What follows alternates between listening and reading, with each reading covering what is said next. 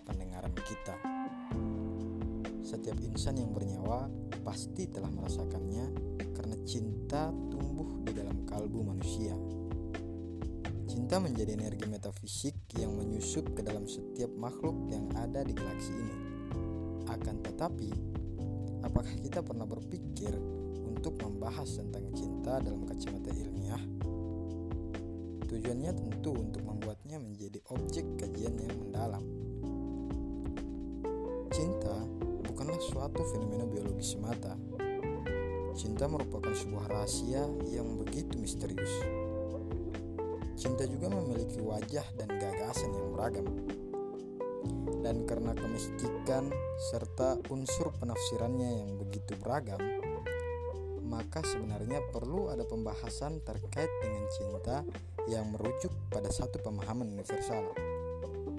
Sederhananya, kita membutuhkan kesadaran-kesadaran fitrawi untuk memaksimalkan potensi cinta dalam menghadapi dinamika objektif kehidupan.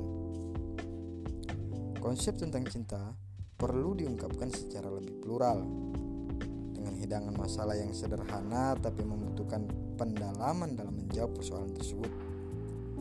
Tujuannya apa?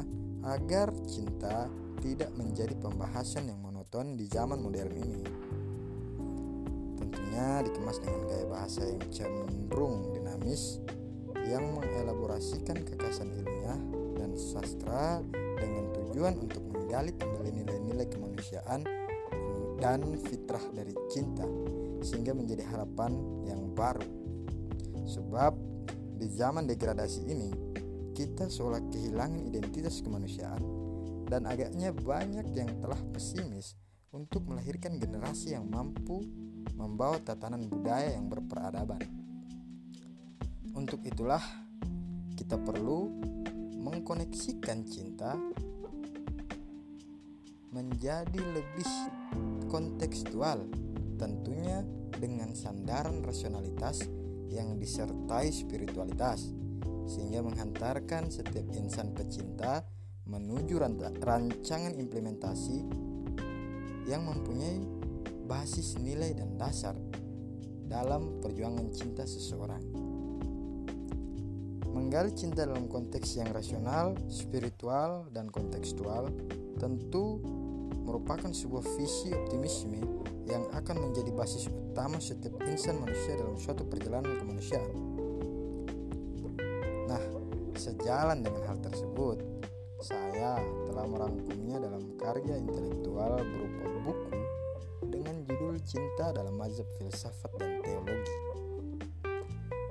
Tapi karena buku ini masih belum terbit, maka pada kesempatan berikutnya saya akan memberikan gambaran kepada sahabat berpikir sekalian ya barangkali juga akan membedah buku tersebut sehingga kawan-kawan bisa mempunyai gambaran ataupun imajinasi tentang buku saya itu daftar isi yang terdapat dalam buku ini itu ada tiga bagian pada bagian pertama buku ini akan dibahas mengenai dekonstruksi dan rekonstruksi cinta.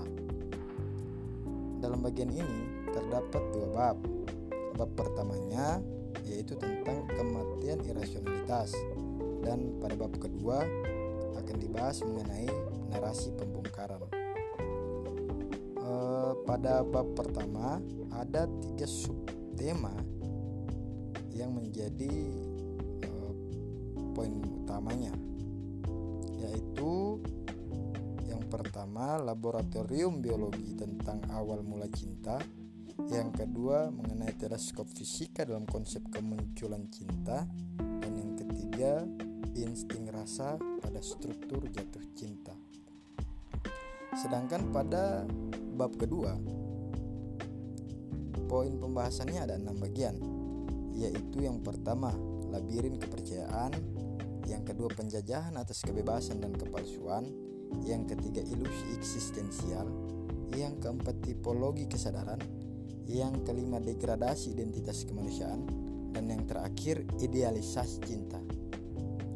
Lalu pada bagian kedua buku ini akan dibahas mengenai rasionalitas dan spiritualitas cinta. Nah, pada bagian kedua ini pun terdapat dua bab. Bab pertama tentang filsafat cinta dan bab kedua mengenai dialektika transenden. Pada bab ketiga ini akan dibahas mengenai konstruksi logika berpikir, perjalanan radikal, hakikat keberadaan pada prinsip ontologi, semiotika, dan strukturisasi. Lalu pada poin berikutnya akan dibahas tentang bagaimana mendiferensiasi cinta sebagai konsep epistemologi, absurditas cinta dari tinjauan hermeneutika, serta menerjemahkan etika dan estetika cinta dalam bingkai eksiologi ditutup dengan atmosfer estetika.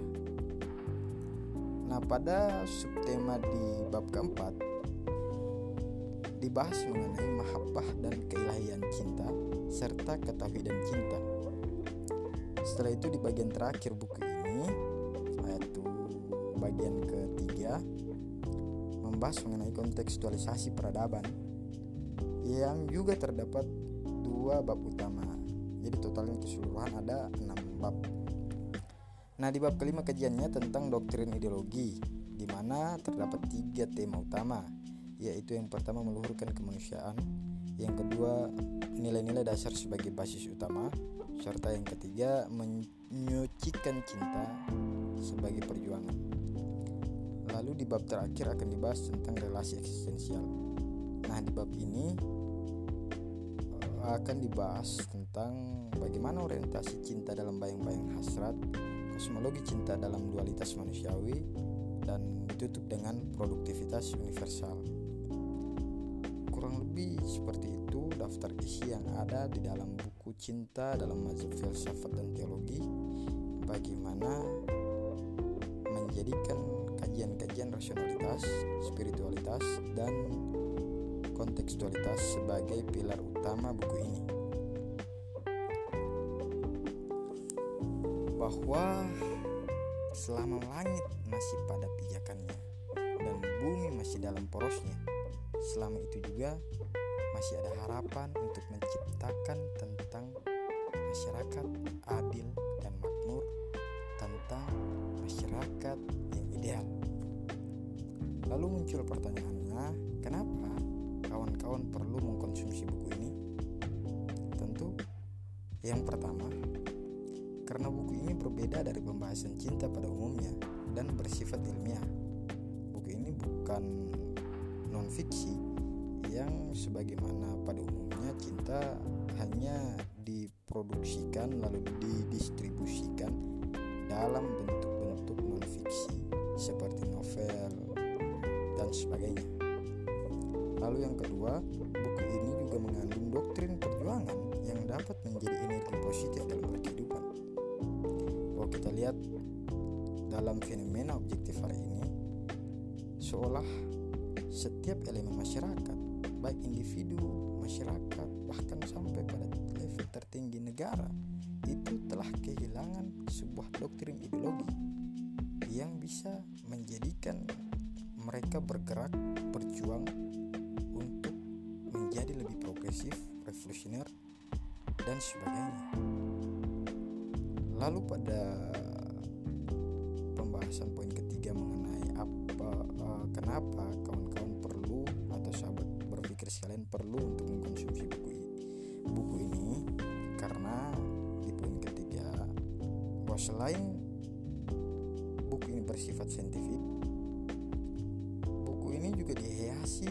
quotes-quotes sastra tentang cinta yang bisa menghidupi sosial media pembaca.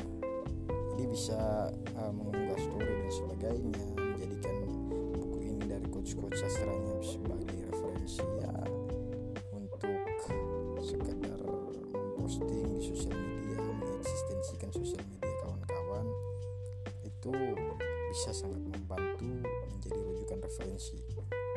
Lalu alasan yang keempat, bahwa buku ini tidak akan tergerus oleh zaman sebab buku tentang cinta dalam mazhab filsafat dan teologi ini akan terus terkontekskan pada setiap generasi sebab cinta tidak mungkin dia akan punah karena cinta merupakan energi purba yang terus melekat pada setiap diri manusia.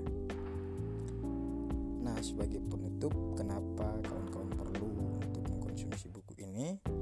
Karena dalam pembahasan di buku ini akan menjawab mengenai kebutuhan-kebutuhan pembaca perihal ideologi, perihal kepercayaan, perihal kebebasan, dan segala polemik kehidupan lainnya. Uh, sebelumnya saya ucapkan kepada para pembaca atau para pendengar ya, sorry, sahabat berpikir sekalian. Ini merupakan channel siar literasi yang akan membahas akan berbagi informasi akan memberikan edukasi terkait dengan apa saja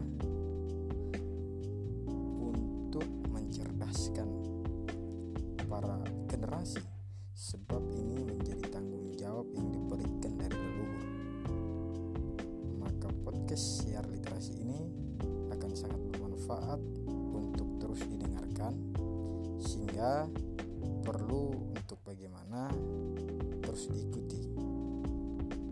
Akhir kata, semoga podcast ini dapat menularkan energi positif yang bersentuhan dengan optimisme, kasih sayang, kebajikan, dan etos kejuangan demi meraih kejayaan di masa depan.